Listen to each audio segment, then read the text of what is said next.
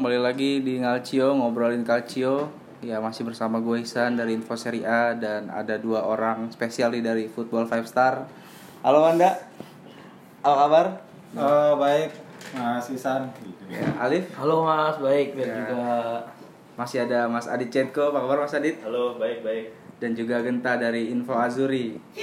Yo, kita ngelanjutin tadi live di YouTube aja ya, bahas soal Italia nih. Tadi mungkin belum bahas ke formasi ideal nih. Hmm. Gimana menurut Wanda dan Alif nih? Kira-kira formasi ideal yang diturunin Mancini untuk melawan Finlandia nanti gimana?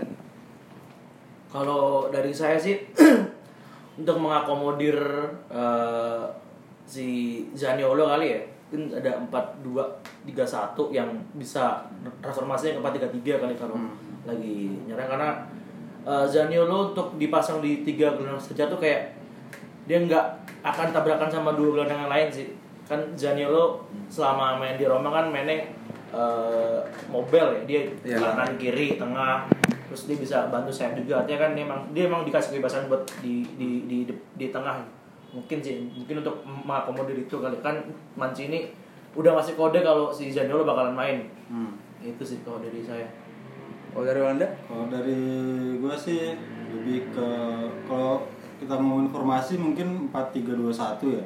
Karena kan eh, gua harap di sini Mancini benar-benar manfaatin momentum yang sedang dipunya Fabio Quagliarella. Iya.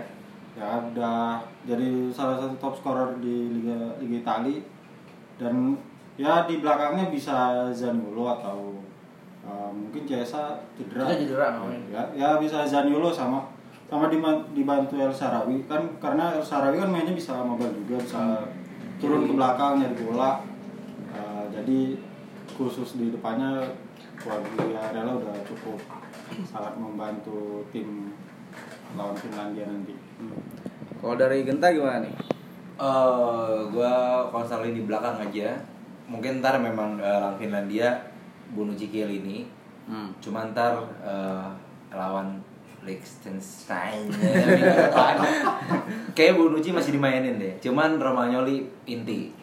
Eh, itu aja sih kalau bek kanan bek kirinya ya mungkin eh, last minute sih kayak di ininya feeling gue sih dipilihnya. Kalau Mas Adit ideal gimana Mas? Eh, kalau gue bilang sih eh, Mancini tuh bakal eh, lebih optimalin kekuatan gelandang-gelandangnya aja sih kayak eh, Barella, Verratti dan juga Jorginho itu gue rasa itu bakal dipatenin sama Mancini dulu. Nah ini yang menarik nunggu apakah dia berani eh, nyoba Zaniolo di sini di timnas senior ini dan kalau Zaniolo apa Zaniolo main itu eh, apakah si Mancini itu akan eh, masang dua gelandang pekerja untuk mendukung si Zaniolo ini untuk bisa fokus jadi ya jadi kayak eh, pemain nomor 10-nya Italia lah gitu. Ini sih kalau misalnya Mancini bisa berani eh, nyoba Zaniolo ini sebagai pemain eh, playmaker ini di pertandingan lawan Liechtenstein ini gua rasa ini akan jadi pengalaman yang bagus juga buat Zaniolo dan siapa tahu tahun depan pas Euro 2020 itu ya kalau lolos ya kalau lolos Italia itu kali aja Zaniolo tuh bisa jadi pemain kejutan lah gitu buat buat Italia. Player to watch. Iya. Itu Ya, dan pemain sayapnya juga sih Italia kan juga kuat di dua winger, dua penyerang sayap ya, entah itu El Sharawi dan apa namanya eh, Bernardeschi atau sama Politano atau Insigne itu kan Italia akan eh, kuat di situ. Gua rasa sih Mancini akan lebih banyak eh, berkonsentrasi di sektor-sektor itu. Tapi kalau untuk di lini belakang ya itu tadi banyak banget pilihannya dari yang tim senior eh, pemain senior kayak Bonucci, Chiellini, bahkan dia juga bisa nyoba uh, Romagnoli atau Gianluca Mancini nah, itulah yang gue harap juga pas melawan Liechtenstein ini pemain apa pemain-pemain mudanya itu lebih banyak dikasih kesempatan aja terlepas dari polanya berapapun sih kalau gue bilang Dan kalau gue lihat sih ada satu kekurangan itu di fullback ya. Ah, mungkin kembalinya Spinazzola nih setelah cedera bisa kasih harapan nggak menurut? Bisa. Apa kalau dia main kayak lawan Atletico sih? ya Ah, Iya. Iya. Ya. Sama sebenarnya eh, kenapa dia nggak manggil Andre Conti ya? Bisa coba aja sih. Maksud gua tuh karena Andre Conti dipanggil waktu apa? Kan sempat ada pelatnas kecil-kecilan tuh ya Iya, bulan iya, lalu iya, ya iya, iya. cuma tiga hari dua hari itu Andre Conte dipanggil tuh Dipanggil, gue kira bakal dipanggil sekarang ternyata enggak ya udah tapi kalau itu Spinazzola Biragi ya kan kalau di Florenzi kan udah dipulangin ya Iya, cedera. Ah, di kanan di, di Silio juga nggak ada kan cedera. Cedera.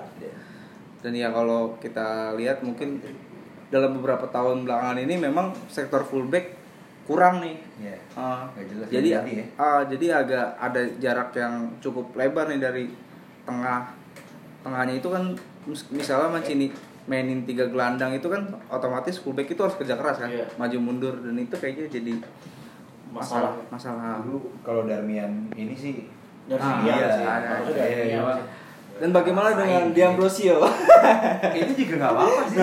Ke gue menurutku bagus. Kalau- kalau ya Da- eh, D'Ambrosio sih lagi top performance ya. Iya. Betul kan dia terakhir lawan Milan Milan itu bikin penyelamatan di menit Iya, iya. terakhir. Terakhir. Iya, kru- krusial banget. Dan kalau gua lihat D'Ambrosio belakangan dia eh, tiap nusuknya itu udah maksudnya sebelumnya dia tiap eh, ngasih umpan beberapa kali ngasih umpan itu kan gitu lah. Sekarang udah udah mulai jelas ya.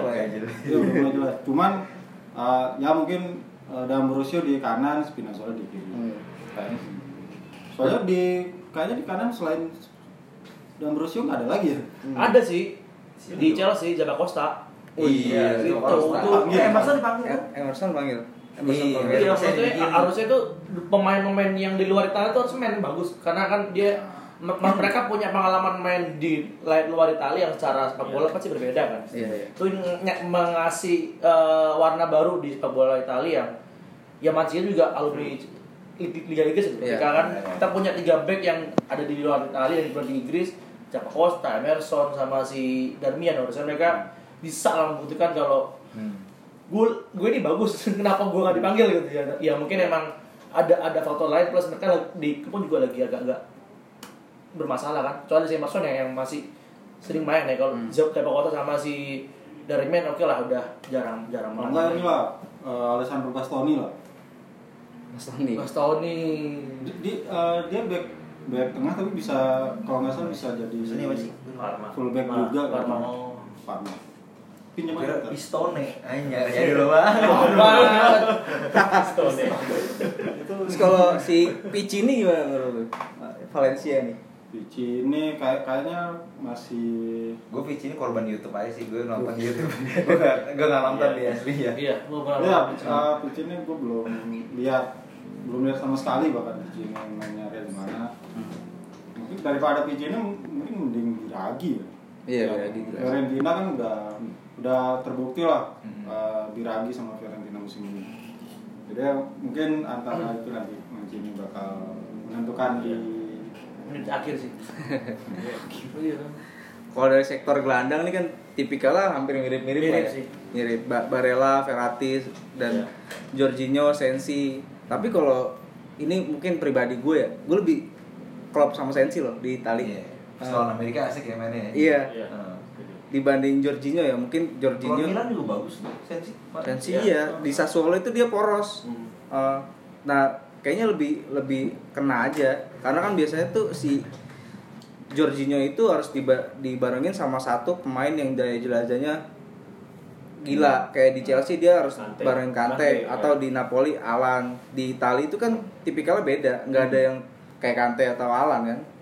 Nah si Jorginho ini jadi kayak ya kalau menurut gue sih pertanyaan kurang sih Iya. Heeh. jadi kalau dipasang jadi jangkar tuh nggak ada gitu ya nggak ada backup Heeh. di berbeda dengan Sensi dia bisa ngerebut Ah, Iya. dia untuk duel lumayan bagus gimana Mas Adit Iya.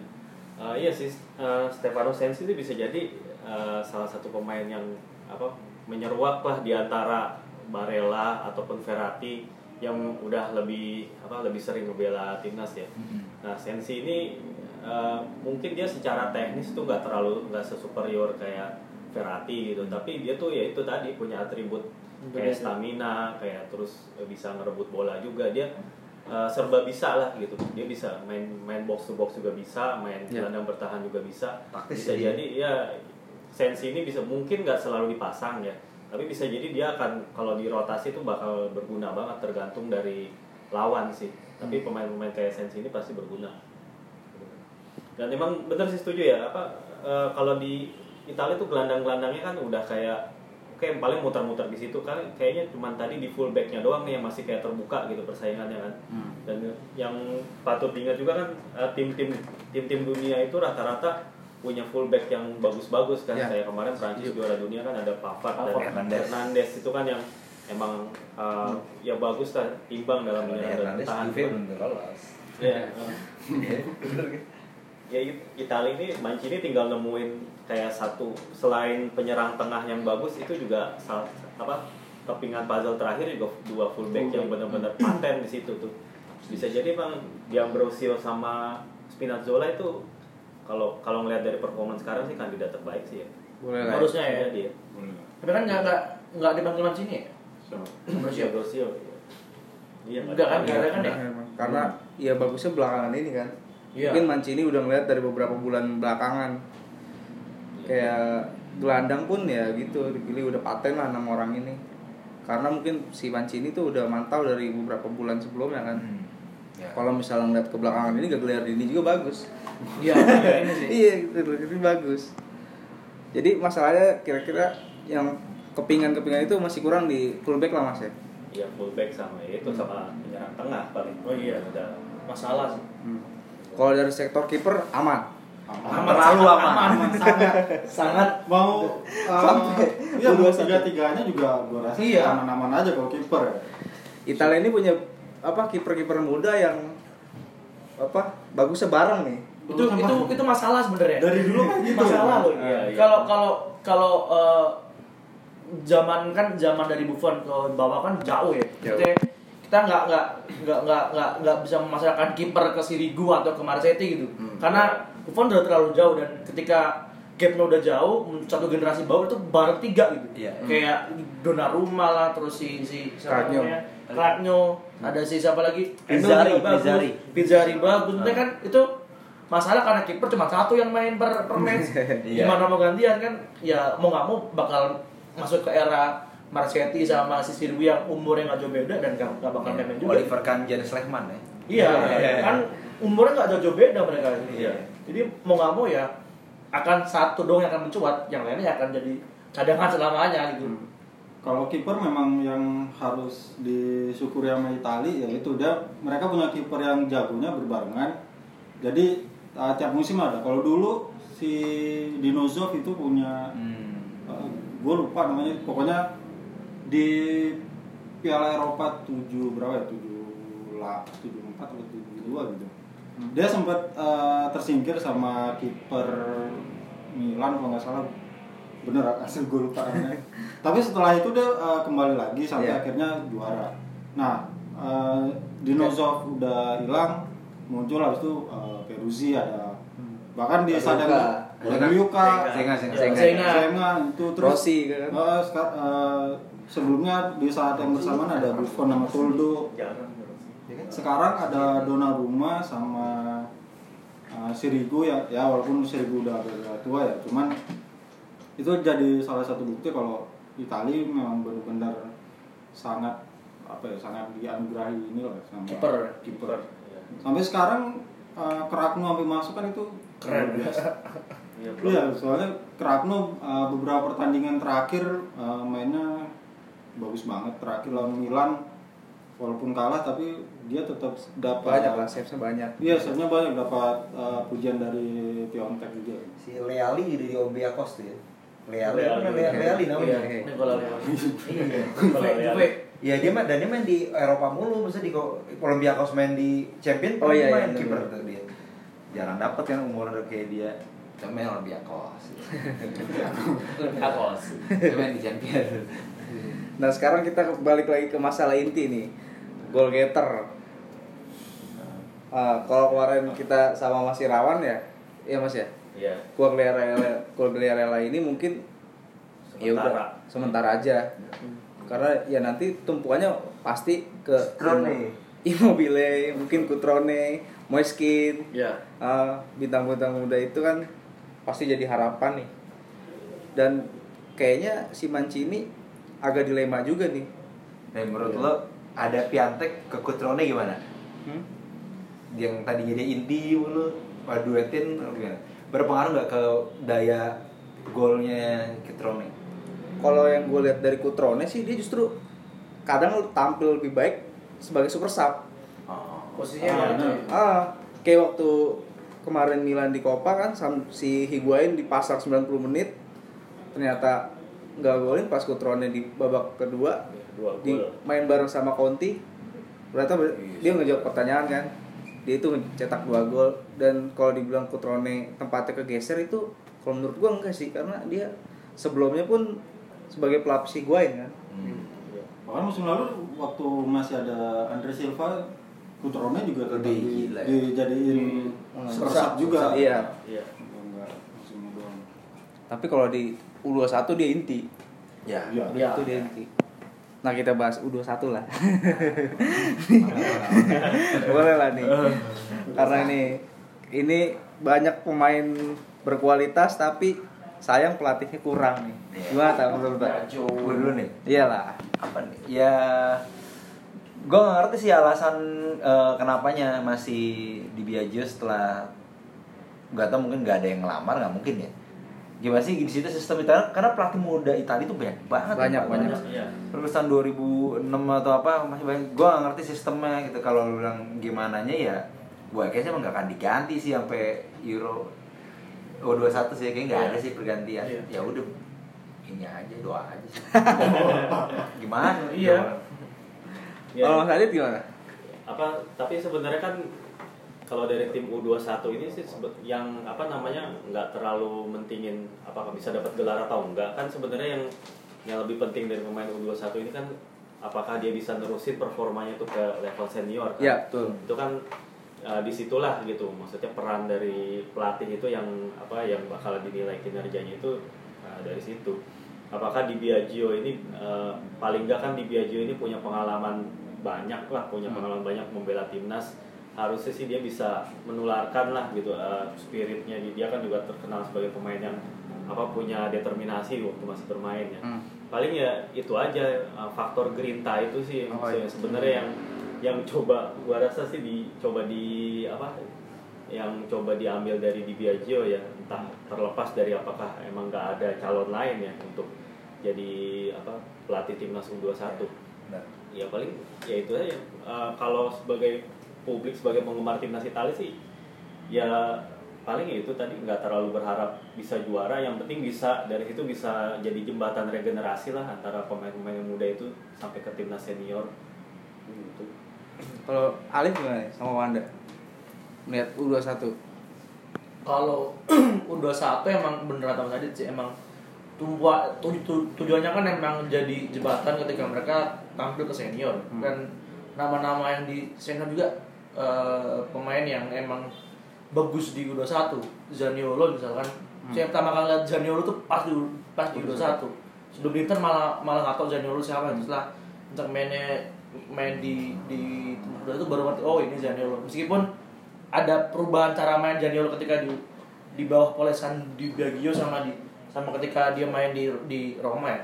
Tapi eh, komposisi Itali sebenarnya di di lokal di junior itu bagus. Di Ya. satu masalahnya kan mereka eh, harus bagi dua nih. Satu yang sa- satu tim yang main ke senior satu satu tim yang main di U21 Iya. karena kan kalau dilihat lagi pemain yang di senior pun juga banyak banget yang dari U21 maksudnya yang masih umurnya masih Hmm. bisa masuk U21 gitu loh.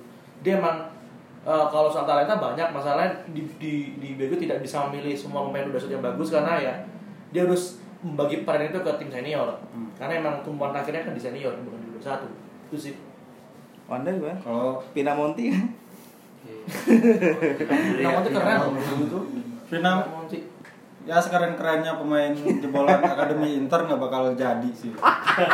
Seenggak seenggaknya di Inter nggak nggak bakal jadi. Nah ya, kalau di, di Tapi kalau di kalau dia Lain keluar kan. bukan di Inter jadinya. Udah keluar, Iya, iya, iya. bakal jadi. Iya. Aja Zaniolo sekarang gimana. Iya iya. Pinamonti Pinamonti sayang aja sih bisa nyasar ke Frosinone ya.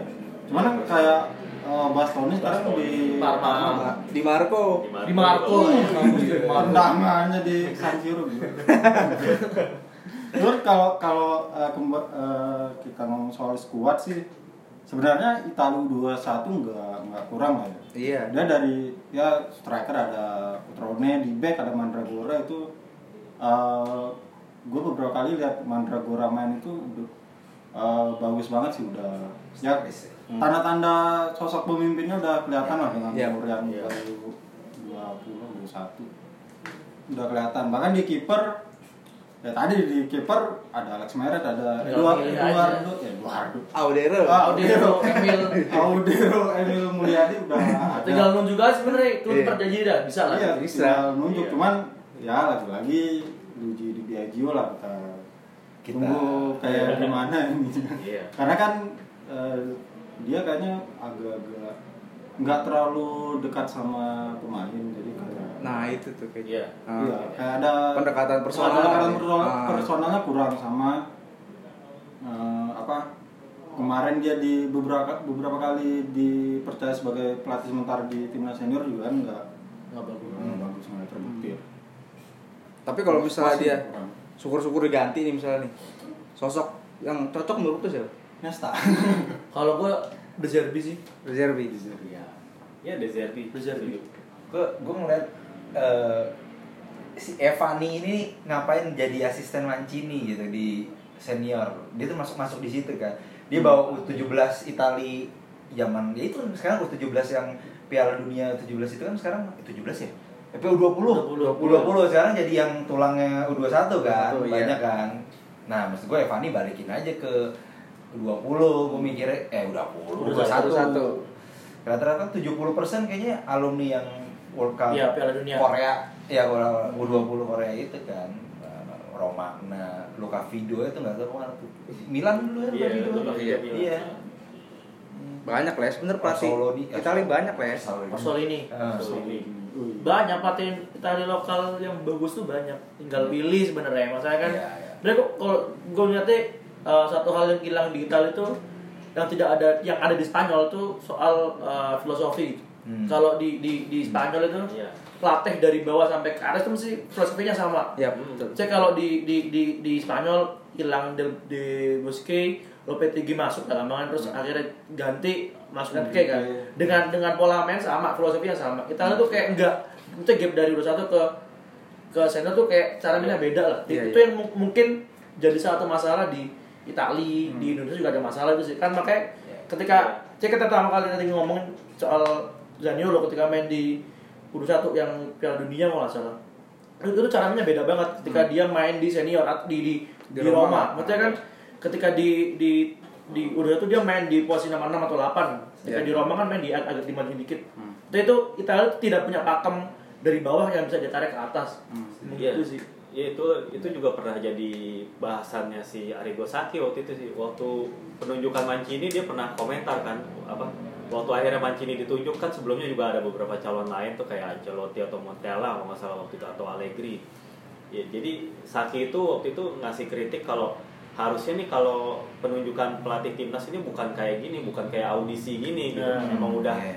Emang udah kayak di program jadi Ya, dari Sofi ya. Iya dari pelatih tingkat junior sampai senior itu punya apa karakter permainan yang sama, Sama, gitu. Kayak ada garis merahnya gitu. Emang ya Saki kan emang terkenal pelatih yang memang Iya, sangat sih, ya punya punya gaya permainan, punya ciri khas sendiri. Dan eh, Saki itu pengen Italia itu punya ciri khas permainan. Ya walaupun kalau kita tahu sepanjang sejarah Italia eh, di Piala Dunia atau Piala Eropa, Italia kan ya mainnya ya begitu, Gitu. apa, pragmatis, Iya. dia nggak nggak punya ciri khas gitu. Gue rasa sih itu itu yang jadi benturannya sih di situ sih kayaknya. Biasanya kurang meyakinkan di babak penyisian tuh, terus babak Iya. selanjutnya Kurang baru tuh ngegas. Iya. Itu Panas. panas. Pasti gitu. Oke, kita bahas pelatih nih. Kemarin ada list 50 pelatih ya. nah, itu banyak menimbulkan kontroversi tuh. Beberapa pelatih Itali yang masuknya cuma Arrigo Sacchi di peringkat 3 ya Mas ya. Iya. Terus Saki, Ancelotti 8, selanjutnya ya ada di peringkat eh, Trapattoni, Trapattoni 12 kan. eh, Lippi, Lippi, itu urutan ya urutan. berurutan peringkat terbaik nomor satu gitu apa apa sekadar 50 aja sih Kayaknya dari urutan nih. karena konten terakhir bener ya? Konten udah- 49. udah mau terakhir kan 9. Nah, nah kalau kita kembali ke filosofi permainan ya, mungkin yang nama-nama di atas itu kita kenal lah. Hmm. ya kan? Misal itu kayak gimana? eh, Sachi. Sachi gimana? Dan ternyata banyak nih pelatih pelatih yang punya gaya bermain khas tapi nggak ditunjuk. Nah gue nggak tahu nih cara penilaiannya gimana nih. Menurut lu gimana nih? Wan?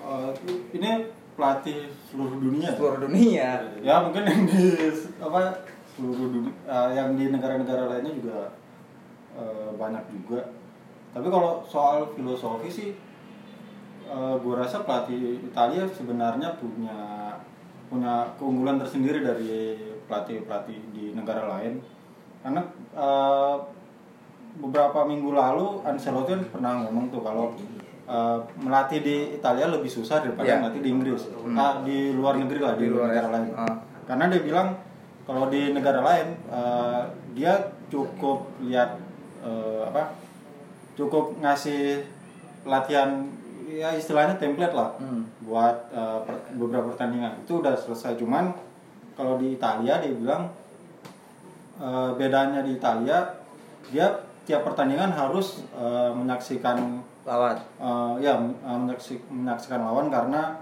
eh, lawan lawannya sendiri juga kan eh, mempelajari permainan timnya Iya. dia jadi dia harus benar-benar meng apa ya harus benar benar-benar mengakomodir apa yang dibutuhkan timnya untuk pertandingan selanjut- selanjutnya jadi kalau soal pelatih sebenarnya eh, kontroversi sih ya mungkin karena French football ya Iya. Iya, iya. Tapi kalau masalah taktik sih, gua rasa Italia nggak nggak kalah lah, malah, bisa dibilang satu tingkat di atas pelatih dari Inggris sama Jerman bahkan. Kalau kalau ada kalau dipilih taktik ya. dipilih nama-nama yang di luar 50 ini siapa yang menurut lu layak masuk Italia nih. iya pelatih Itali Tali siapa ya? Zaman dulu. nggak apa-apa jangan dulu ini kan ini kan ini ya Ya pastinya itu. Long time ya. Vittorio Pozzo pasti Iya, bisa. Vittorio Ah. Pozzo. Ya, soalnya nggak ada lagi pelat sampai sekarang nggak ada lagi pelatih yang bisa membawa apa juara dunia dua dua kali berturut-turut. Berturut-turut. Itu, itu masih rekor yang masih bertahan sampai sekarang. Sama Tapi- inilah uh, pencetus Catenaccio Italia. Sama Ini- Herrera. Oh Herrera Itu- itu- masuk. Herrera masuk. masuk masuk masuk Malah sebenarnya kalau siapa? kalau misalnya itu sebelum Herrera Sebelum Herrera. pencetus Catenaccio itu kan Carla, Carrapan itu pelatihnya Hmm. pelatih dari Swiss. Hmm. Kalau orang Italia itu namanya Gipo Viani, Iya, bekas Viani. pelatih Salernitana yang Catenaccio. Salerno. itu kan kita tahu kan kayak apa kenapa seorang pelatih itu pakai strategi itu kan untuk Hmm. uh, mengatasi lawan-lawan yang lebih kuat ya karena Iya. dia dia punya tim yang secara materi secara teknis itu uh, kalah dibandingkan dengan lawan-lawannya gitu jadi untuk bisa ngatasin perlawanan itu uh, apa namanya perlawanan tim-tim yang lebih kuat dia gunakanlah sistem cara bertahan yang Hmm. kemudian sampai kira-kira sampai tahun 80-an lah itu sampai legenda lah gitu ya. itu ya gue rasa sih kalau dari alasan itu pelatih pelatih yang revolusioner kayak kayak Pozzo kayak tadi Gipo Viani itu sih harusnya mungkin layak masuk ya dari di list itu ya kalau dari orang-orang Itali. Kalau dari luar Itali mas? Di luar luar Itali eh, paling yang pelatih yang banyak diakui sebagai cult hero-nya pelatih lain itu Juan Malilo sih. Juan Malilo itu Pemari. orang bukan orang Spanyol. Apanya itu apa dia bisa dibilang kayak guru Pep Guardiola sendiri itu eh, apa respect sama dia dan pelatih zaman-zaman waktu formasi 4 4 2 3 1 itu ngetren banget 4, atau 4 5 1 kayak tim kayak ah La Coruña itu yang Iroreta Oh, itu itu kan gurunya tuh namanya Juan Malilo itu. Parah. ya Lilo itu jadi kayak kayak gurunya dari pelatih-pelatih yang mempopulerkan 451 itu sih. Hmm. paling ya di luar list itu ya paling si Lilo. Atau kalau mau lebih jadul lagi yang gue tahu sih yang namanya Jimmy Hogan itu pelatih Inggris. Justru itu kayak gurunya dari pelatih pelatih Eropa Tengah kayak yang di Hongaria iya. atau Austria. Hmm. itu kan pada saat awal-awal sepak bola tahun 30-an 40-an itu kan yang pusatnya bola itu kan justru di sana ya. Justru Iya. pas taktik-taktik justru pas Inggris tuh lagi arogan-arogannya mereka tuh nggak mau ikut Piala Dunia lah mereka tuh kayak ngerasa oh orang mereka yang penemu sepak bola justru di Eropa Tengah itu apa berjalan perkembangan taktik yang justru apa namanya pencetusnya itu orang Inggris sendiri si Hogan sendiri yang malah ironisnya tuh dia ditolak di Inggris. Dia Hmm. katanya metode dia terlalu ribet lah atau gimana jadi akhirnya malah Inggris tuh jauh tertinggal gitu sih. Sama kayak The Beatles lah awal-awal kan di Inggris. di Inggris dia nggak di kurang kan Berarti emang aro- arogansi Inggris udah lama. Oh, udah lama, Kalau ya. di Iya. emang arogansi Inggris emang udah lama banget. ya dulu ada cerita juga penyerang dulu waktu Milan waktu sebelum Berlusconi ya waktu ada kan pemain dua pemain, pemain Inggris tuh di Milan tuh Ray Wilkins sama Mark Hadley itu kan nggak begitu terkenal lah gitu mereka sendiri ngakuin kalau dulu mereka main di Inggris itu paling cuman instruksi cuman lari rebut bola ganggu back lawan gitu cuman gitu doang kalau pas main di Italia mereka udah kayak diatur pas nerima bola mereka harus geraknya ke arah Iya, iya, mana iya. ke arah mana itu menurut mereka itu udah kayak apa namanya udah mereka udah kayak takjub duluan gitu Itu sejarah pemain Inggris itu di rekrut Milan ya, Mas? Apa karena lebih bagus di Inggrisnya? Eh, itu sebenarnya Milan ikut-ikutan sih kalau gue Oh. karena waktu itu kan di Italia tahun 80-an itu kan eh, emang banyak pemain-pemain cukup banyak pemain-pemain Inggris kayak Juve kan ada Liam Brady waktu itu Itu belum era iya, David iya. Platt belum ya?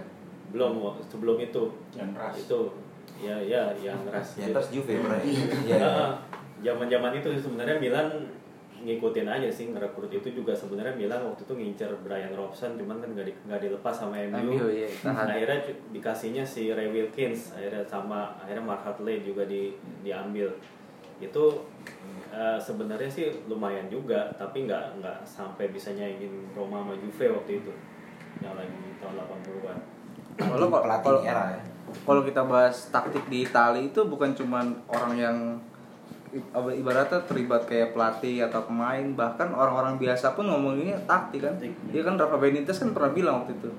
Dia dia di Itali eh di Inggris setahun sama di Itali 20 menit itu lebih banyak ngomongin taktik di Itali kan. Bahkan sama orang-orang tua pun dia bisa ngomongin bola secara taktik. Kayak di Inggris dia nggak temuin itu dan mungkin yang ngebedain Ferguson dengan yang lain kayak gitu kali ya mas ya karena dia tuh kadang ada yang bilang dia tuh nonton lawan sebelum pertandingan dia tuh bener-bener bos banget tuh Iya. iya kan Kalau Mantap. secara re revolusioner taktik sebenarnya Ferguson itu kalau dibanding Wenger tuh lebih jauh revolusioner Wenger sebenarnya. Iya. Cara mengubah wajah bola itu lebih lebih lebih mengena sih Wenger. Cuman modern. iya kalau Ferguson emang dia punya punya sisi lain yang buat dia emang spesial. Bukan bukan cuman masalah gelar segala macam. Memang kepribadian dia sebagai seorang pelatih tuh dibanding pelatih lain emang emang dia satu tingkat di atas pelatih-pelatih yang era-era sekarang lah ya. Makanya kan eh, kalau ngomongin soal revolusioner kenapa Fergie ada di posisi kedua gitu dibandingkan seorang seorang Johan Cruyff misalnya. Hmm. ya karena emang Fer Ferguson ini emang sosok pelatih Iya. spesial sih sebenarnya. Iya dan dia bisa nge nge- apa, mengubah MU yang tadinya di bawah bayang-bayang Liverpool, kemudian dia malah jadi berbalik naik. Balik. Iya. mungkin telah kurang kayak gitu kali ya kalau dari nama-nama lain nih siapa nih menurut lo masuk di Siapa lagi? Kalau- Bielsa sih kalau. Belum ada sih. Biasa. Biasa. Oh, ada. Bielsa. Bielsa Bielsa ada tapi kan ke 48. itu, yang, Bielsa. itu yang bikin kayak lah Bielsa Itu anggap aja nggak ada lah, belum. Jadi maksudnya dia berada di Iya. bawah Rafael Benitez tuh agak agak Iya, wow. bener-bener. 48 tuh ya seorang Bielsa gitu loh. Dia pelatih, dia tuh guru guru Guru, guru, guru. pelatih pelatih Yes. muda. Ya kalau orang-orang ngerti Pochettino ya dia gurunya gitu. iya iya Iya. Jadi kalau aneh di Info gue nulis gue ntar salah satu alasan gue mau nonton Liga Inggris musim depan Bielsa, ya, ada. Bielsa. Iya. dia bisa tuh tinggal cari investor Arab aja tuh bener. iya kan sayang pelatih udah gitu Iya, kan skuadnya harus kelas A juga Iya. gue ya itu Bielsa bisa Mungkin dulu uh, kita kalau tahu pelatih yang filosofinya kuat mungkin uh, Johan Cruyff ya. Sekarang uh, gue rasa sih Bielsa benar-benar uh, punya filosofi yang kuat dengan dia benar-benar mempertahankan karakter dia yang yang mainnya full teknikal gitu. Iya. Jadi- Formasi tiga, Formasi tiga, tiga, tiga. iya, cuma dia yang punya. Cuma Iya, dia yang punya. tahun berapa gue jadi lupa Berapa ya? Dua, eh, bukan 2002, 2000. World World Cup apa gitu maksudnya? Iya, World Cup 2006 juga. ya? Eh, 2002 ya? 2006 Maradona. 2002 2002 Bielsa. Maradona iya. 2010 kan? Eh, iya, Maradona 2010, 2010 ya. 2006 pakai nama pakai nama oh iya 2002 benar ya Iya kalau gue bilang biasa luar biasa sih kan kayak kemarin dia dituduh ah, ngirim mata-mata dia malah Iya. nyuruh apa ah, ngundang media sama yang pihak dari kontinya buat ikut kulturnya dia itu kan Iya. cuman dia doang Kalau gitu. mata-mata menurut gua adalah itu salah salah satu noraknya sepak bola Inggris sih. Iya iya. Iya. Mereka tidak bisa melihat kalau ya eh, sepak bola di negara lain tuh ya kayak gini tuh. Bukan bukan cuman bukan cuman lu ngelatih tim doang tanpa ngeliat lu lawan lu kayak gimana ya. Emang kayak semua pelatih tuh gitu mengirimkan orang untuk nyari Iya, tahu kelemahan lawan segala macam kan dia itu kayak sisi-sisi dari kenoraan sepak bola Inggris yang belum bisa diterima gitu sih. Wah nih mata-mata ini. Padahal di Itali kayak gitu udah biasa. Biasa, Biasa. justru kalau dan itu udah dari dulu Iya. pasti ada praktek kayak gitu kayak kan. dulu tuh Italia tuh punya pelatih yang yang yang spesialis adaptif Pradeli lah. Ya. Pradeli tuh dia tidak punya pakem khusus empat match segala macam enggak. Dia tuh dia tuh caranya ya kalau lawan ngomong ah kita gimana cara dia Dia nggak ah ya, gitu. ya. Iya. Justru Iya. ketika dia main itu malah jelek ya, karena karena dia nggak punya pakem yang yang udah sejak awal dia pegang dia cara, cara, cara dia mainnya tergantung dari lawan main A kita kita counter gitu ya kan gimana cara tahu dia main A tanpa mata-matai gitu sih menurut saya gitu sih Dan ini menurut gue salah satu yang kayak gitu juga Allegri. ya ya Nah, kalau Allegri tuh main dua leg, gue yakin lolos. Nah, di final, masalahnya itu di final. ya lagi pelatih yang masih ada ngasih cantik dikit lah mainnya Iya. kalau Conte eh, pasti menang ya dah. cuma lo jangan mainnya ya mohon maaf gitu kan saya kayak Iya. ya ya lebih pragmatis kan iya tiba-tiba dua kosong lawan Belgia gitu kan Kalau Allegri gue tadinya orang yang skeptis sama Allegri ya karena dia aw- eh, awal dia di Milan itu kan sebelumnya eh, timnya udah kebentuk. Ya. Kebentuk kan ada Ibra, ada Casano. Casano dan segala macam. Terus di tahun kedua Ibra, Thiago Silva, Hengkang, Oh. ya, merosot. Terus dia pindah ke Juventus itu kan eh, warisannya Conte ya ya Barcelona Conte udahlah tutup mata juara. Tapi musim keduanya kan dia awal-awal sempat sempat ngedrop tuh di Juventusnya di musim keduanya dia sampai di peringkat keempat kalau nggak salah. Tapi lama-lama Naik lagi. Iya. naik lagi dan sampai akhirnya sampai sekarang dia benar-benar bisa membangun Juventus dengan caranya dia. Ya, ya itu yang tadinya gue skeptis sekarang jadi lumayan lah ya bagus. Lumayan bagus. bagus ya kalau di level Italia emang bagus gak ada nggak ada yang bisa ngelawan Juve Ah. Di level Eropa, Eropa pun menurut gue bagus. Kayak dia di Milan dengan waktu itu dengan skuad seadanya bisa ngalahin Barca. Barca. Barca. Ah, ah. Iya. betul Itu kan banyak menuai pujian pujian juga kan itu Barca era kemasan juga salah satunya. Ya kurang gue menurut gue sih kalau Allegri ya itu sih kayaknya kalau buat satu leg itu susah. ya. Misteri juga kalau dua leg kayak kemarin lawan Madrid kan? Ya dia pikirkan maksudnya Emre Can itu dia jadi back pas lagi nyerang. Nah. Ya sih. Itu, Iya. itu kan kalau satu leg kagak kepikiran. Iya. Karena dia udah belajar dari sebelumnya kan? Iya. Iya, dia Enggak kayak dia pas Juve musim lalu kalah 3-0 di Allianz Stadium kan? Iya benar. Ternyata bisa ngebalikin di Santiago Bernabeu itu gila. Iya, Kalau iya, menurut iya. gue gila. Di pas dia apa ngeluarin line up tuh yang bener-bener ada di tengah tuh cuma Pjanic tuh. yang lain ada di pinggir semua tuh.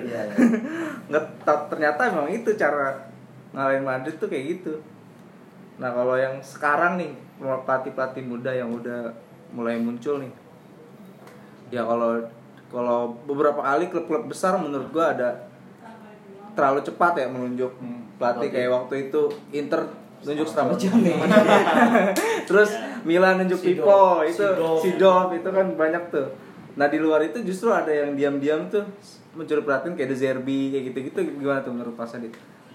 Ya emang sih kadang-kadang kalau kemunculan pelatih itu kita nggak bisa nebak sih ya walaupun terlepas dari waktu misalnya waktu dia main dia jago Hmm. atau otomatis kan dia pas jadi pelatih jadi pelatih bagus juga. Zerbi itu kan kebanyakan main di Serie B Hmm. dan sekarang itu dia akhirnya uh, waktu itu sih dia waktu kalau nggak salah waktu sebelum di Benevento dan dia belajar tuh sama sama Pasquale Marino itu yang bekas pelatihnya Udinese dia ngaku itu sebagai inspirasi dia gitu Pasquale Marino selain dari Pep Guardiola ya itu uh, jadi menurut gua kemunculan De Zerbi itu bukan bukan tiba-tiba juga karena dia itu udah punya dia udah punya style dia udah punya gaya bermain sendiri Hmm. dan apa namanya dan yang jadi kelebihan De Zerbi juga dia bisa bikin Sassuolo itu uh, tim yang walaupun dengan materi seadanya tapi Menghibur. ketika misalnya melawan tim-tim yang lebih kuat gitu Hmm. itu justru malah dia malah bisa mendominasi cuman ya sayangnya emang apa namanya ya penyakit tim-tim mediocre gitu kan kadang-kadang kalau iya kalau Kualitas justru pas lagi ketemu tim yang lebih lemah malah dia malah Iya. kayak Anjlok ya. Iya, anjlok ya kayak gitu sih paling ya gua rasa sih De Zerbi butuh ya setidaknya ya kayak semusim lagi lah buat Hmm. kayak di Sassuolo gitu baru kemudian dia ke berani ke tim besar Kayak Roma. gitu bisa Roma. Nah ini Roma nih masalah pelatih nih. Eh, ya musim depan kira Ka- kalau Roma 80% sih Ranieri cabut sih. Karena kan Iya kan kan sejak awal dia ngomong kan eh, hanya Roma yang saya mau ngelatih cuma ditawarin tiga bulan. Hmm. Kalau di kalau dia ditawarin tiga bulan di klub lain misalnya Roma dia nggak mau. Katanya kan emang jelas Roma cuma menar- menawarkan tiga bulan sampai musim selesai. Pelatih Roma selanjutnya kan masih tanya antara Sari yang muncul kan Sari kan. Gasperini. Gasperini, aduh Gasperini itu uh, Gasperini amat sangat saya tidak rekomendasi- rekomendasikan karena dia punya track record yang tidak bagus. Besar, dia tuh dia, besar. di tim besar. Iya. Dia kan spesialis tim mediocre itu. Ya, ya meskipun Atlanta bagus ya, tapi kan dia tidak bisa menahan ego pemain-pemain besar ketika dia Iya. di Atlanta kan ya pemainnya emang setara gitu semua gitu. Kemarin dia ribut kan. Iya, masalahnya kan nanti kalau di Zerbi misalnya masuk nih ke ke ke Roma dengan pengalaman yang juga masih minim, eh, dia juga bukan orang yang eh, asli Roma, Francesco sendiri atau Ranieri sendiri pun yang emang yang memang di asli Roma pun juga masih bermasalah gitu dengan kondisi eh trust sama supporter lah, apalagi di, di Zerbi yang dia tidak punya track record sama Roma. Apakah dia bisa menahan itu? Itu masalah sih. Karena kan di Zerbi masih muda, masih minim pengalaman juga meskipun di Sassuolo bagus ya. Tapi sekali lagi Italia itu tidak bisa main cantik. Itu tidak butuh main cantik. Yang penting mereka tuh menang. Hmm. masalahnya kan De Zerbi ya filo- filosofinya bukan main kayak main menang tapi gimana menang dengan cantik gitu loh. Iya. Makanya kan salah satu pelatih yang diincar Barca ketika adanya seadekan si Valverde cabut kan De Zerbi. Hmm. meskipun itu agak kaget sih ketika nama De Zerbi muncul itu karena wah kok De Zerbi ya? Apa sih memangnya De Zerbi? Meskipun ak- akhirnya orang ngeliat kalau wah ini emang De Zerbi ini cara mainnya emang menonjolkan gimana cara menang dengan dengan cara yang cantik. Dan Italia nggak bisa dimain seperti itu. Mungkin itu balik lagi ke filosofi kali. Kalau Iya. Barcelona kan mainnya harus kayak gitu. Iya, Ah. nah itu itu mungkin kalau mau mengubah sepak bola Italia itu dari awal, dari Hmm. dari bener dari tingkat yang paling dari tingkat yang paling rendah, saya U, U13 juga segala macam itu emang harus di dicanangkan sejak awal. Hmm. Nah, nggak perlu main cantik tapi main yang sama dari bawah sampai atas. Itu yang yang mungkin harus di dibenahi oleh Italia ke depannya sih. Hmm. Conversiano kita harus di, di, di, diperbaiki Iya. lah Ah. kita satu uh, uh, uh, pelatihan pelatih yang paling bagus tapi ya berapa tahun Italia nggak juara champion gitu berapa tahun Italia tidak berprestasi itu kan ada yang aneh dari Coverciano gitu Hmm.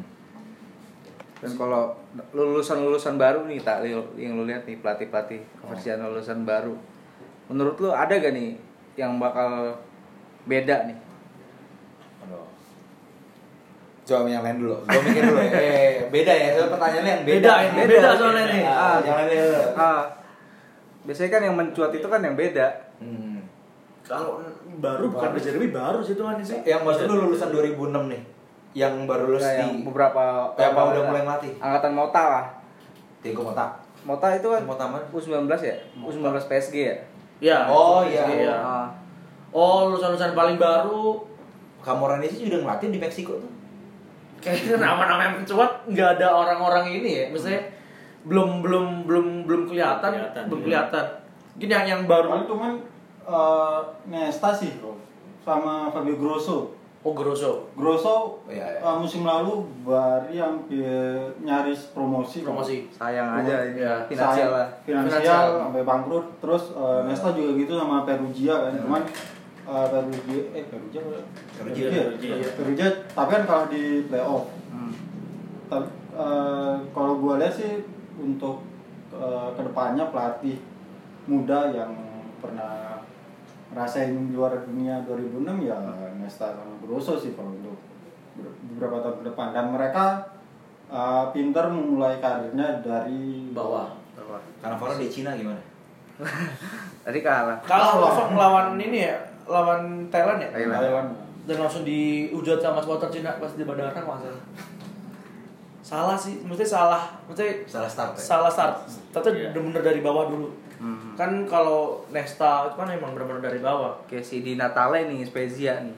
Hmm, di Natale spesial. Di Natale Spezia nih sekarang. Ya di Serie B justru banyak mantan Banyak, pemain. iya. Ah, Kayak iya. di Brescia itu yang jadi pemain klasemen pelatihnya Corini, Eugenio Corini. Kalau si Stramukioni jadi dosen pelatih ya? Iya, iya. Nggak ngelatih lagi. Pelatih. Dosen di FVGC maksudnya. Dia salah satu orang yang ini sih kesehatannya sering Masalah. masalah eh, sama Sama Cioni. Cioni. Dia kan pensiun muda kan waktu itu. Iya. Eh, Oh, umur oke. berapa gitu. Roma masa dia di akademinya Roma sama Cioni pelatih muda Roma kan di pintar akhirnya Ya itu sih, kayaknya belum ada nih oh, yang Ya, Tapi kalau- yang udah kalau yang udah ada di Serie A yang menurut lo menarik sih Marco Giampaolo sih. yang Paulo Sampdoria. Sampdoria. Ya, iya. Kan eh, dia Ya, udah ya. bawa Sampdoria beberapa tahun terakhir Hmm. eh, konsisten lah di nggak di bawah banget ya 10 besar lah konsisten nah, itu ya eh, bisa beberapa tahun ke depan bisa naik kelas lah kayak Allegri Tapi ada ada ada beberapa ciri khas sih kalau menurut gue dari pelatih pelatih Serie A sekarang ya. Gianpaolo itu salah satu yang apa produsen back back tengah bagus nih. Gianpaolo. Kalau si Gasperini justru sebaliknya dia kayak apa yang munculin back back produktif Iya. dari beberapa tahun terakhir nih. Nah yang salah satu yang unik justru kalau menurut gue Simone Inzaghi. ya iya Ah, beberapa pemain Lazio itu apa secara kualitas tuh biasa lah. Iya. Tapi ketika main di Lazio di bawah arahan dia tuh jadi beda gitu. Iya. Menurut gue kayak pas aja nih kayak Luis Alberto tuh emang bener-bener di situ, Milinkovic Savic di situ. Itu menurut gue bagus sih dari uh, Simone Inzaghi. Kayak Lucas Leiva siapa yang nyangka Iya, gitu. bisa main lagi, bagus Iya. lagi. kayak Sedo aja bisa ACRB loh, ACRB. ACRB apa Iya, udah hampir hampir habis karirnya di Milan terus ke Sassuolo kan absurd kan tiba-tiba di Lazio jadi bagus lagi Iya Simone Inzaghi tuh kayak tahu nih cara meningkatkan kualitas seorang pemain tuh kayak dia tahu. Iya. Mungkin ya butuh kayak pelatih U21 tuh kayak Simone Inzaghi tuh butuh kalau menurut gua. Ya, tapi mungkin Inzaghi eh, dia lebih apa namanya kalau secara pola dia tuh terlalu maksain tiga back. Dia Iya. dia favoritnya eh, tiga back doang sih kayaknya. Dia gue nggak tahu ya se- sepanjang gue nonton gue belum pernah lihat Lazio mas eh, empat back di tangan Simone Dia Inzaghi. kayaknya emang kalau untuk variasi kurang sih mas. Iya iya Ah. emang dia ya mungkin dia malah jadi kayak Walter Mazzari juga dia tiga back sama Gasperini Iya, sama kayak Gasperini. Iya kayak gitu Ya Mas Zari yang di Watford pakai tiga back itu kayak aduh ini lu yakin pakai tiga back di, di Inggris ketika Inggris tuh nggak Iya. bisa gitu Conte justru yang ini. Conte karena ya emang udah udah secara taktikal udah lebih teruji sih sebenarnya dibanding Mazzari atau Gasperini Dah lah, kalau dia sih layak lah masuk di. Karena Oh, iya. beda beda Conte itu kalau menurut gua pas di awal muncul tuh mirip Simone Inzaghi tuh. Gimana Juve dengan skuad seadanya kan awal-awal dulu awal-awal Iya. ah, dimaksimalin sama dia nih potensinya nih dan akhirnya kebentuk polanya ya tinggal tambah kedalaman squad jadi kayaknya beberapa klub harus kayak gitu sih harus sabar sebenarnya harus sabar Iya. dan Dan- gar- gara-gara Conte ini di beberapa klub di Liga Inggris eh, pernah nyoba pakai tiga back karena Iya. kan dia Hmm. di Chelsea kan tiga back terus kan di Iya. eh, tahun awalnya tiga back Iya, iya, iya. terus eh, klub lain ngikutin kayak Jurgen Klopp beberapa kali di Liverpool pakai tiga back terus eh, Spurs juga Spurs juga sama Pochettino nya Arsenal juga sekarang nggak hanya di. Inggris, di Itali juga kayaknya lagi lagi rame sih back pakai pakai tiga back Iya, so waktu musim pertama Allegri di Juve kan masuk final ya, champion kan. Iya. Nah dia itu Iya. udah menang pasti ganti tiga back. Ya. Gazali masukin jadi tiga. Hmm. Teorinya gitu ketika Juve udah menang masuk jadi tiga back. Itu kan Allegri di Milan kayaknya nggak pernah pakai tiga back kan sih? Iya. Iya kan pernah. itu juga ini karena Conte aja juga dia tahu Juve bisa tiga back. plus karena uh, ngubah tim yang udah ada pakemnya itu susah Hmm, kan iya. pakem Ponte di Juve kan emang udah back, udah tiga back. Eh, dia emang pelan-pelan ngubah sih ke empat back. Cuman langsung ke empat back itu kayak eh, ngubah air putih ke teh gitu. Jadi langsung kan agak, agak susah kan. Mau nggak mau pelan-pelan dulu. Tapi kalau emang back ke langsung ke tiga back emang dari segi taktikal untuk bertahan sih emang lebih bagus. Oh, si Rio dapat Patrick Evra dulu. Back kiri bagus. Sih sayang kalau nggak main 4 back kan. Iya. lawan Allegri kan. Nah. Dan si Conte itu kan sebelumnya dia pakai pola itu kan setelah kalah dari Arsenal tuh Hmm. di, yang dibantai 3-0 ya Oh, iya, Kayak benar. yang dia bilang nggak bisa Iya. tidur nah yang lucunya itu si Montella nih Montella di tahun kedua nih ketika banyak Milan banyak belanja dia nyoba formasi 3 back itu hancur-hancuran Iya. Bonucci kan? Iya, Iya, Bonucci. Bonucci. Iya. Iya, kalau apa? Kalau baca bukunya si Michael Cox itu yang The Mixer, itu kan sebenarnya apa banyak yang kaget begitu Conte apa yang dibantai sama Arsenal itu terus uh, switch ke tiga back itu banyak yang meragukan lah. Padahal sebenarnya tuh waktu Conte di pramusim Chelsea itu sebenarnya dia udah nyiapin tiga back itu sebagai rencana cadangan dia. Hmm. Jadi artinya back-backnya Chelsea kayak Gary Cahill, David Luiz sama Aspilicueta itu udah kayak udah dilatih untuk lebih banyak lari. Kalau yang gue baca sih kan kalau tiga back itu kan wilayah covernya lebih luas ya. Betul, betul. Itu mereka itu bertiga tuh udah dilatih untuk untuk lebih banyak lari, lebih banyak main melebar juga. Jadi ketika misalnya Conte itu uh, pengen su- langsung switch ke tiga back itu langsung bisa nyetel itu sih yang di yang gue baca dari bukunya si Michael Cox ya jadi emang sebenarnya kalau misalnya ya lain lagi sama Montella kan ya dia nggak punya dia nggak punya B itu ibaratnya kayak bener-bener cuma murni maksain doang Walaupun pemainnya Sebenarnya. mendukung ya sebenarnya Romagnoli yang kiri, Iya. Bonucci tengah. Iya, sebenarnya. Sekarang yang kemarin siapa? Siapa teh? Musakio Musakio. atau siapa tadi Justru Iya. kalau menurut Pemainnya menurut saya bagus. malah pindah ke tiga back karena masuknya Bonucci. Iya, Awalnya buat- bukan ah. bukan tiga back, pakemnya ya. Hmm. Iya, buat mengakomodir Mengakomodir Bonucci. Iya, soalnya kan. Bonucci sebenarnya kalau awalnya tuh kalau main 4 Jelek. jadi empat back itu dia nggak punya kemampuan Hmm. bertahan yang Hmm. yang menonjol lagi. Dia lebih banyak diandelin sama passing-passingnya aja kan. Betul. Itu sebenarnya yang mau dicoba cuma kan Milan juga nggak punya uh, kayak gelandang-gelandang waktu itu atau atau wingback Wingback sih, nggak ada. wingback yang mendukung untuk untuk pola itu. Malah waktu itu yang paling konyol sih Bonaventura dijadiin wingback kiri itu sih paling aneh banget. Tiga lima dua. Bener-bener kayak buang-buang ini buat Borini jadi back, wingback kanan, iya. Bonaventura wingback kiri, wah itu berantakan banget. Dari sekarang kita bahas pemain yang apa? Ada beberapa pemain yang unik nih. Kayak di Silio contohnya. Kita sering bahas nih Tani. Dia nih taktis banget nih. Jadi pemain itu bener-bener ngikutin taktik pelatihnya aja. Jadi ini cocok-cocokan nih. Kayak Darmian. Nah menurut lu siapa nih? Ada gak pemain yang bener-bener dia tuh taktikal banget. Jadi kurang kreatif tapi di tim itu memang dia tuh dibutuhnya seperti itu. Misalnya kayak Darmian eh, bawa MU juara Liga Eropa sama Ya. Mourinho. Itu kan dia dipasang emang buat bertahan doang sama Mourinho kan. Hmm. Iya. Iya kan, dan akhirnya berhasil. Dia nggak ngapa-ngapain, kita nggak pernah ibaratnya. Nah, yang kayak taktikalnya seperti Nah, itu kan. kayak kalau Iya. pas konten ngerubah jadi tiga back itu menurut gue yang salah satu paling taktis itu ini Victor Moses tuh. Dia kan Oh. Oh ya. ah dia jadi nemuin posisi terbaiknya kan. Ah. Gila. Siapa tuh? Kalau aku kalau ngeliatnya eh Jorginho ya Di Sari. di Sari karena eh gimana pun siapa pun yang main tengah kan harus ada Jorginho. Jadi kayak bahkan dia ma, ma- mengorbankan posisi Kante. Kan di Inggris tuh setelah Chelsea awal-awal jelek yang pertama itu ada beberapa pandit Inggris tuh ingin lu ngapain sih memaksakan seorang Jorginho ketika lu punya Kante?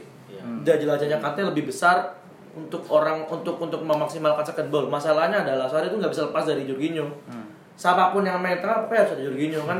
Bahkan ketika Sa- Sa- Sarri ngomong itu di, saya butuh pemain yang bisa mengganti posisi Jorginho melapis artinya emang si Jor- Jorginho ini penting sampai dia butuh pemain buat ketika Iya, ketika si. Jorginho cap- cabut atau apa Ah. capek atau gimana jadi kayak emang tidak bisa lepas dari dari seorang Jorginho sih si, si Sarri gitu Ya kalau kalau bahas Jorginho ini si Guar- Guardiola sebenarnya emang ngincer dia. Hmm. Ah kan? Sebelumnya bahkan supporter City udah selebrasi selebrasi tuh bilang si ini Jorginho mau ke City. Ternyata dia ternyata Sari setuju gabung Chelsea dia lebih di bawah. Ah, iya karena bapaknya yang dia ngerasa cuman Sari yang bisa ngerti cara main dia. Ah. Karena kalau di dipegang pelatih lain belum tentu bagus sih si Jorginho. Hmm. Di even di Azuri juga belum tentu. Belum tentu bagus. Belum Iya. kelihatan. Belum belum belum kelihatan bagus karena emang pelatih nggak mungkin nggak tahu cara main Sari, eh si- cara main Jorginho mungkin ya atau gimana. Tapi emang Sari sama Jorginho tuh udah kayak bromance banget lah dua orang itu. Gimana Mas Adit ada gak pemain yang ya yang paling kayak gitu sih gue cuma bisa ingat Sergio Busquets sih ya Nah, Baru ya. mau gitu. Gue baru mau gitu. Aduh. Udah udah udah ada dah. Udah. iya gua utama ya. Sumpah gue menyebut itu beneran. iya kalau iya Sergio Busquets ibaratnya Itu dia kalau secara teknis ya apa nggak itu. terlalu istimewa istimewa. gitu aja gitu mainnya kan banyak malah banyak yang bilang tuh cuma ngoper ke, ke samping belakang ya walaupun ada kadang-kadang ada momen beberapa kali itu kayak misalnya pas dia lagi ngerancang sangat serangan balik dia bisa kayak dengan jeli uh, dengan timing yang pas gitu dia bisa melepas umpan gitu terus gelandang serang Barcelona bisa langsung akselerasi itu kan berkat dia ngebuka ruang gitu sebenarnya Ya, menurut gue sih Sergio Busquets lah pemain yang paling fungsional gitu Tapi ya. Albielda lu juga kayak gitu. Iya. Oke. Kalau warna gimana kan Reva? Ini pemain yang nggak bisa bisa dibuang bisa lah pokoknya. Kan terakhir lawan Milan itu jadi apa ya? Jadi striker kalau nggak salah deh. Nggak jelas bilang. Dia dia uh, kan Rema nggak jelas ya. Dia cuma bisa lari di kanan doang. Iya. Istilahnya ya udah lo Nyisir kanan, nyisir ruang, kanan. nyisir ruang, nyisir ruang. bawa bola sampai garis garis pinggir gawang udah baru ngumpan udah itu. Doang. Tugas itu doang ya. itu doang cuman kalau soal pemain yang apa benar-benar textbook banget sih. Gue rasa Jordan Henderson sih enggak.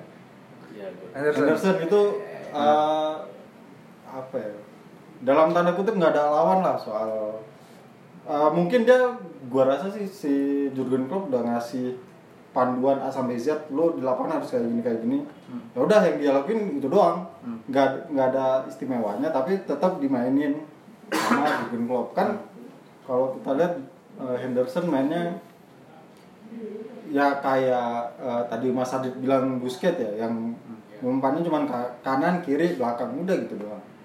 Sisa sisanya dia dia nyuruh eh, suruh dia ngumpan ke depan nggak bisa. Dia terakhir lawan apa ya lawan Mun lawan Munchen apa lawan apa gitu gua lupa. Dia jadi back kanan. Itu bener-bener nggak ada apa crossing nggak ada. Dia tetap kalau udah di depan dia eh, bolanya ditarik lagi ke belakang itu kan Textbook banget. textbook dan luar biasa luar biasa begonya kan Ya, karena yang yang tidak terlihat kamera kan gimana cara pemain untuk melihat situasi Ah, kanan kiri iya. depan belakang Ah, akhirnya dia iya. tahu pemain akan lari ke mana lari ke mana itu kan yang yang Iya. mahal dari seorang Pirlo Busquets dan yang nggak dipunyai untuk nama pemain lain kan kemampuan untuk baca situasi kanan kiri depan belakang akhirnya nggak bahasa itu kayak nge-scanning lawan dia di mana dia akan lari ke mana itu yang nggak yang yang nggak dimiliki oleh gelandang-gelandang yang dia tipikalnya cuman kayak yang yang lebih telah di di di, di permainan ya. Kalau Busquets kan gimana kata Mas dia tidak jarang dia, dia jarang ikut, ikut permainan karena dia cuma posisinya di udah stuck di bundaran tengah ini doang Ya, karena ya. dia posisinya Hmm. dia nyari nyari bola biar kanan kiri jalan itu doang. Terus yang yang mahal dari pemain itu sih sebenarnya. Dan itu ti- tidak bisa dilihat oleh statistik mana pun.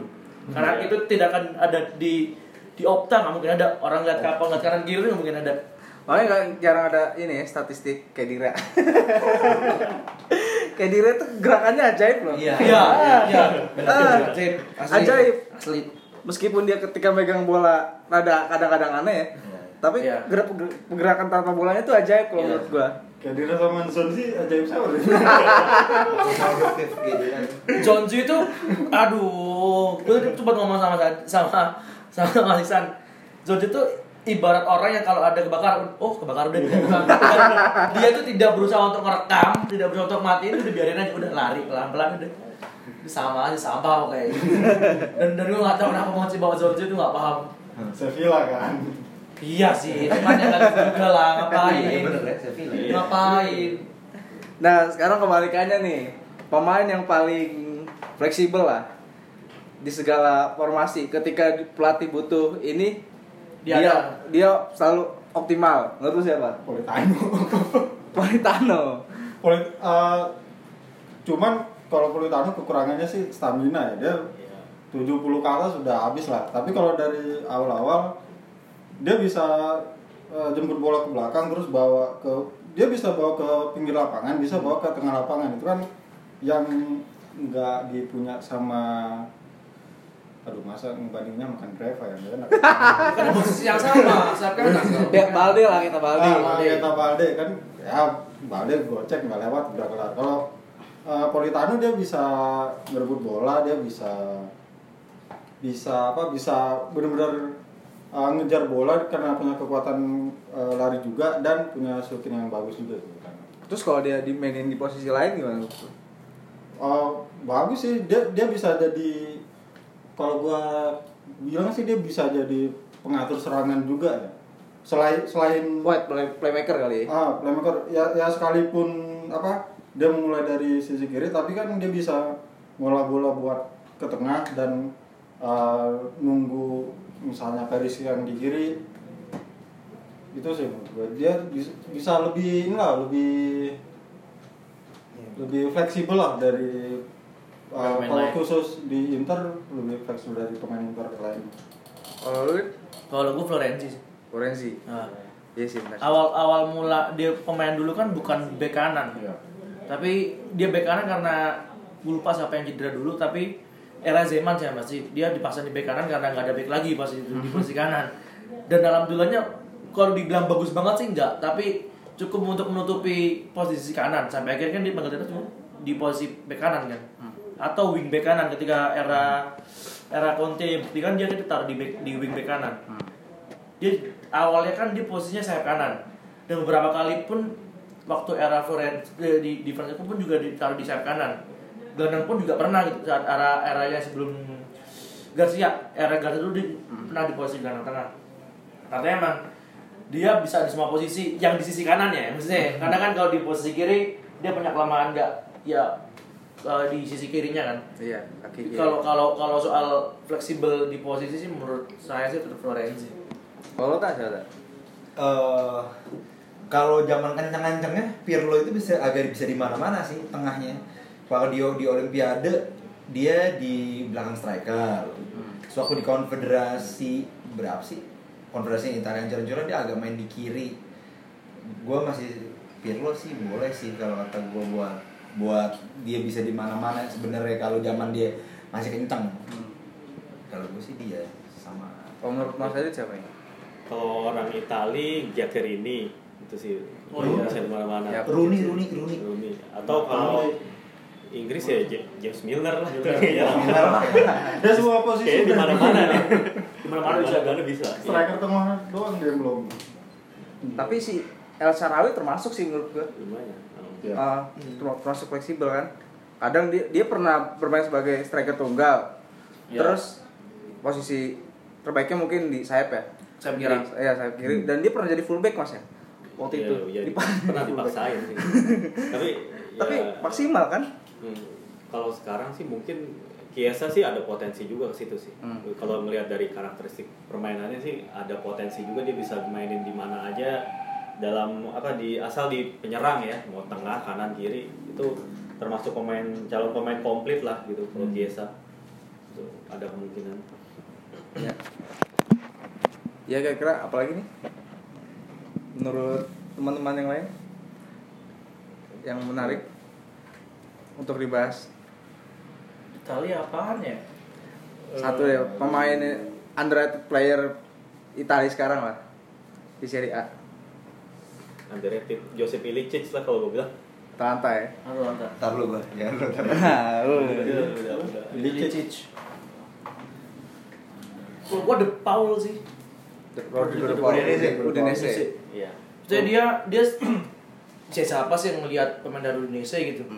Saya kan eh, tim-tim juga orang lihatnya yang kenapa nggak beli dari Napoli gitu atau dari Juve atau dari mana. Padahal posisi De Paul di Indonesia tuh sentral serangan kan di situ. Plus dia juga salah satu pemain yang eh, bisa main di posisi mana aja. Maksudnya dia gue beberapa kali lihat si De Paul taruh di posisi wing kiri karena dia punya kemampuan untuk eh, nusuk ke tengah dia juga bisa taruh di posisi kandang serang bahkan dia beberapa kali juga false nine karena dia di, di, di, di depan gitu maksudnya The Paul ini dia tinggal pindah ke klub gede aja jangan iya. jangan cuma jangan cuma di Indonesia karena kalau cuma di, di, di, di Indonesia ya karirnya bakal gitu doang sih Oh siapa? Gua Oh jangan kan Reva. overrated. Siapa? Eh, kiper Fiorentina siapa namanya lupa. Lafon Ah, Lafon. Itu eh, gua rasa sih bakal eh, ya sekarang ki- kita siapa sih yang menyangka Fiorentina bisa dapat Lafon yang 19 tahun ya nggak salah. eh, 19 tahun yang kayak gitu Itu di FM mantep sih. iya Ta- tapi eh, dia punya ber- apa skillnya benar-benar bagus bahkan beberapa kali lawan tim-tim besar kayak Juve, Inter, sama lawan Milan dia membuktikan kalau dia eh, calon kiper hebat lah masa depan. dia tim depan sih Prancis, Prancis. Lu siapa tak? Gue gua agak subjektif sih. Kalau gue menilai uh, Bernardeschi karena di lini tengah Juve itu di sebenarnya ada tempat gitu. Ada di bala di apa? Sampai katanya pendapat orang waktu Juve leg kedua, kok bukan di bala yang dimainin. Kalau pundit-pundit luar tuh udah nih aneh nih. Siapa nih Bernardeschi nomor 33 gitu kan? Ya ternyata dia bagus nah tapi nggak tahu ke depannya bisa jadi overrated dia nih karena mulai diangkat ya gitu. Orang Eropa udah pada tahu semua. Tapi sebelum match lawan Atletico kemarin menurut gue dia underrated. Gitu. Ya. Cukup ya? dari dari Ya, itu tadi pembahasan kita ya lumayan ngalor ngidul. Tapi lebih banyak ke soal taktik. ya. Reva Nih terakhir nih tentang tentang isu-isu nih sebagai agen dari Icardi gimana? Sebagai agen ya semoga Icardi ditukar sama Dybala lah. gua gua Bener, eh, bener, orang yang bakal pertama setuju Icardi ditukar sama Dybala. Hmm. Kalaupun dijual ya nggak apa-apa, tapi 100 juta dapat lah. harga terakhir sih 80 sih turun Nggak masalah. Nih, lumayan ya Icardi dari underrated jadi overrated sekarang. iyalah lu Icardi Kalau si ini Napoli Fabian Ruiz menurut gue salah satu underrated juga sih. Iya. Ah. Fabian Ruiz dulu siapa sih yang Fabian Ruiz Sama Cuit sih. Fabian Ruiz dipanggil timnas kan ya? Iya Iya, iya. Pertama kali kan. Karena si Napoli itu kan udah pakemnya kemarin Jorginho ya sebagai Hmm. terus Ancelotti datang dengan merubah formasi gelandang ya kan justru Iya. kadang dia main 4-4-2 kan. 4-4-2. Ah. dan si Fabian Ruiz ini menurut gue rekrutan salah satu rekrutan yang bagus sih. Hmm. Bisa settle di rumah si Ancelotti. Ah, ah. Ya pokoknya untuk pemain-pemain yang debut di Italia langsung bagus itu pasti ada nilai tambahnya lah. Iya. Ah, ah. Iya dan mahal habis itu harganya. Pasti. Nah ini tebak-tebakan terakhir nih. Zaniolo, Kiesa, pindah nih? Prediksi lo nih. Yes. Jasa kayaknya ke Juventus kayaknya. gua gua nggak tahu kenapa eh, gua meyakini walaupun rivalitas dua klub ini ini apa Tajam. tajam ya tapi gua tetap yakin Chiesa bakal ke Juve sih apalagi kan ada Bernadeschi di situ kan solid banget sama dia Terus ya? Kalau gue Zaniolo ke Juve, tapi Cesa ke Roma. Jalannya sama ke jalan Ya, gol, bati Oh. gol. Oh, iya. Betul lo kan gitu. Ntar kalau udah jelek, Inter boleh lah. Karena nanti puncaknya kan di Roma. kan? Tapi Batigol kan waktu itu pindah ke Roma karena nyari gelar kan? Iya. Nah, kalau Kiesa sekarang ke Roma nyari gelar kan ya? udah bukan Monci nyari gelar karena bukan nyari duit. Kalau era Monci kan emang nyari duit kan. Yang mau nggak mau diakui emang era itu nyari duit kan apalagi kan eh, ya mungkin dua tahun lagi lah kalau musim depan kan orang nggak nggak bakal champion musim depan ya. Prediksi saya sih bakal champion makanya agak usah mendatangkan pemain bagus. Jadi yang mau nggak mau tahun depan karena Zaniolo tahun depan bakal ke Juventus. kan dia ngomongan ini kan nggak dia mau pindah eh, dia akan pindah ketika orang nggak nggak nggak nggak nggak champion. Udah, ya mau nggak mau harus ke Juve. Madrid lah. Ah, Kalau mana nih tak dua dua bintang muda ini bakal ke mana nih nanti? Kan kemarin baca gue Juventus mau jual Douglas Costa dulu. Iya. Iya. Cuadrado dijual. Alexander. Nah, Alexander. Nah kalau penyerang nih, nah tinggal si Dybala nggak tahu nih. Tapi kalau Douglas Costa sama Cuadrado dibuang, kayaknya mungkin Kiesa bisa. Iya. Tapi kalau dua orang ini nggak dibuang, ntar nggak main Kiesa di Juve. Iya. Sayang. Ya. Sayang, Iya, sayang iya. ada Rizky, sayang. Iya, tapi kalau Zaniolo nggak tahu, gue punya feeling setahun lagi Iya, di Roma. Iya. Setahun. Iya setahun lagi di Roma. Gue Iya, di. Roma. Enggak, tapi tapi kan Kalau kalau kita ke Juve ya? semua akan pindah pada Juve waktunya. Ya semua akan ke Juve pada waktunya. Karena gini, gue Iya, kenapa iya. bilang setahun lagi walaupun gak masuk champion Karena gue mikirnya dia mau main di Euro 2020 bakal main reguler Iya. dulu Kalau di Juve takutnya dirotasi nih Ya apalagi Iya, iya, di iya, di di pasti, Juve m- masuknya Ramsey bakalan ngubah di Iya. Ramsey lagi kan Benar. Iya kan, mes, Iya. meskipun Ramsey di Arsenal sebenarnya bagus, cuman kan yang bagus banget. Tapi di Juve kan beda gitu. Hmm. Dia mau nggak mau emang Zaniolo bakalan di Roma tapi nggak lama. Sedangkan ke Juventus. Mas Adit ke mana nih kira-kira? Dua anak ini. Ya harusnya sih kalau apa namanya sebaiknya sih masih stay di Roma dulu paling nggak semusim lagi kalau gue bilang Zaniolo. Ntar kalau setelah Euro malah ada bisa jadi Bro, kemungkinan keluar. ya keluar, Keluar. Ah, entah ke ya ke kalau ke Madrid mungkin agak-agak Riskan. riskan ya PSG ya, gitu. Iya, tapi P- mungkin bisa jadi kalau kayak ke klub kayak Bayern Munchen mungkin atau kayak Bener, bener kayak malah malah ke ke Inggris gitu itu Hmm. lebih lebih bagus kayaknya buat karirnya dia ke PSG kayak ma- masih main sih, pasti main atau PSG. atau PSG, Iya. PSG. Iya. Cuman ya nggak tahu Nggak ada lawan di juga. Liga ada lawan, bener Mending ke Munchen lah. Gitu kan masih ada Dortmund sama Cukup lainnya masih masih lumayan lah. iya Jadi Lalu? Juventus nih paling banyak kayaknya milih ke Juve nih. Ya kan ya dia aku atau dia kan impian pemain muda saat ini kan ke Juve, pemain lokal Italia. Siapa sih nggak mau ke Juve ketika Juve gede banget di Italia ya? Hmm. Ya siapa yang nggak mau dapat juara juara Serie A gitu kan? Dia mau nggak mau. Kalau mega bintang setelah Cristiano Ronaldo yang Yang yang bagus tuh ah, yang kira-kira bisa datang ke Italia. Siapa Ya, oh, yang di Itali. Musim depan musim banget nih ke Serie A. Ya pokoknya suatu saat bakal ke Serie A lah. Sisi gue yakin Messi. Yakin Inter Ketawa lo. Beneran gua Tuker sama Kandreva. Barcelona nambah. Gue bingung kudu jual berapa pemain Inter. Waduh, kalau bintang siapa ya? Tapi Roma punya potensi loh beli beli mega bintang. Punya, masalahnya eh gimana ya? ya maksudnya kalau mega bintang ke ke Itali Nah, me- mega bintang itu skalanya gimana? Maksudnya kalau me- Neymar, me- mega kalau Ibra. Nem Ibra udah Salah. udah salah udah ke Itali maksudnya. Iya. Kalau Pokoknya- kalau gue sih bener pengen pe- pengennya sih eh Modric kali ya. Modric. Modric pengen Modric Mod- bintang tuh. pengen pengen banget Modric sih Iya. karena dia gue kangen pemain-pemain kayak gitu di Itali sih Ya. pemain-pemain model kayak gitu yang yang punya punya kemampuan ngatur ini tengah sebagus Hmm. Modric gitu Hmm. kan setelah era itu kan hilang kan kita nggak nggak kita nggak ada tidak tidak, tidak disuguhi pemain dengan gelandang yang cerdas Hmm. kayak gitu sih kalau gue pengennya Modric Kalau Messi gue berangkat dari itu doang Mas Dari ada gak mega bintang? Messi. Ngomong aduh siapa? James Rodriguez masuk ya? Ya iya James. Yang agak realistis. Ya Iya, pemain bintang tapi akal. masih bisa masuk Milan bisa tuh Ames tuh. Ya Masih karakter profilnya masih lah ke Milan. Ya mungkin Milan masih bisa tuh. Iya Hmm. James gitu. Dengan pinjem dulu atau gimana bisa lah. Apalagi kan sekarang pelatih Zidane kan si si Madrid nggak bakal mau. Iya si, nggak si mau Zidane nerima lagi. nggak bakal Iya. mau nerima. Muncul juga kemahalan kan ini kan pemain-pemain angkatannya dia di Barca kan nggak ada yang pensiun di Barca kecuali Pio, Puyol, Puyol kan. iya Nah, gue yakin dia pasti masa ke Arab sih Messi.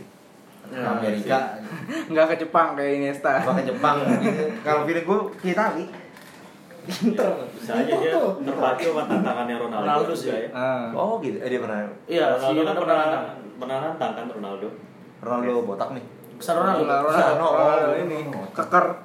Pernah pernah nantang si Messi Bisa berapa gol lo di Serie A gitu nantangnya? ya kalau lo jago ya pindah ke Itali gitu. jangan jangan cuma satu klub Iya. Ah. Iya. Kemarin. Kalau Mbappe mungkin nggak menurut lu?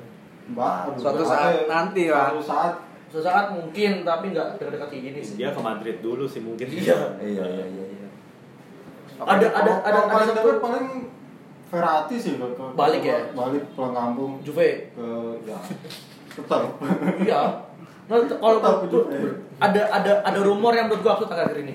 Philip Henderson ke Madrid. Kalau Acet nggak datang, iya kan Kal- kalau kalau kan kabarnya tuh kalau Acet nggak mau ke Madrid, Madrid ngalihin ke Philip Henderson. Itu karir pemain ini absurd banget sih. Lebih dari Lazio ke West Ham, ke Madrid kan absurd ya. Kayak Boateng. Iya, kan absurd banget ya. Kalau dari West Ham ke Madrid kayak si Julian Faubert. Tahu ber absurd itu. Ujungnya Borneo. Nah. Segiri. ya. Kalau menurut lu Mbappe kenceng nggak sampai umur 30? Bisa jadi. Nggak nggak nggak di 25 26 ntar dia mulai eh, nggak ya? Enggak sih. Kita lihat sih ntar. Karena dia apa ada beberapa pemain yang levelnya tuh bisa nyamain dia. Maksudnya Oh, dia iya. irama permainannya tuh masih seimbang lah di depan. Hmm. Selama masih ada Cavani, ada Neymar, kayak dia sih tetap salah satu pemain yang berkembang ya.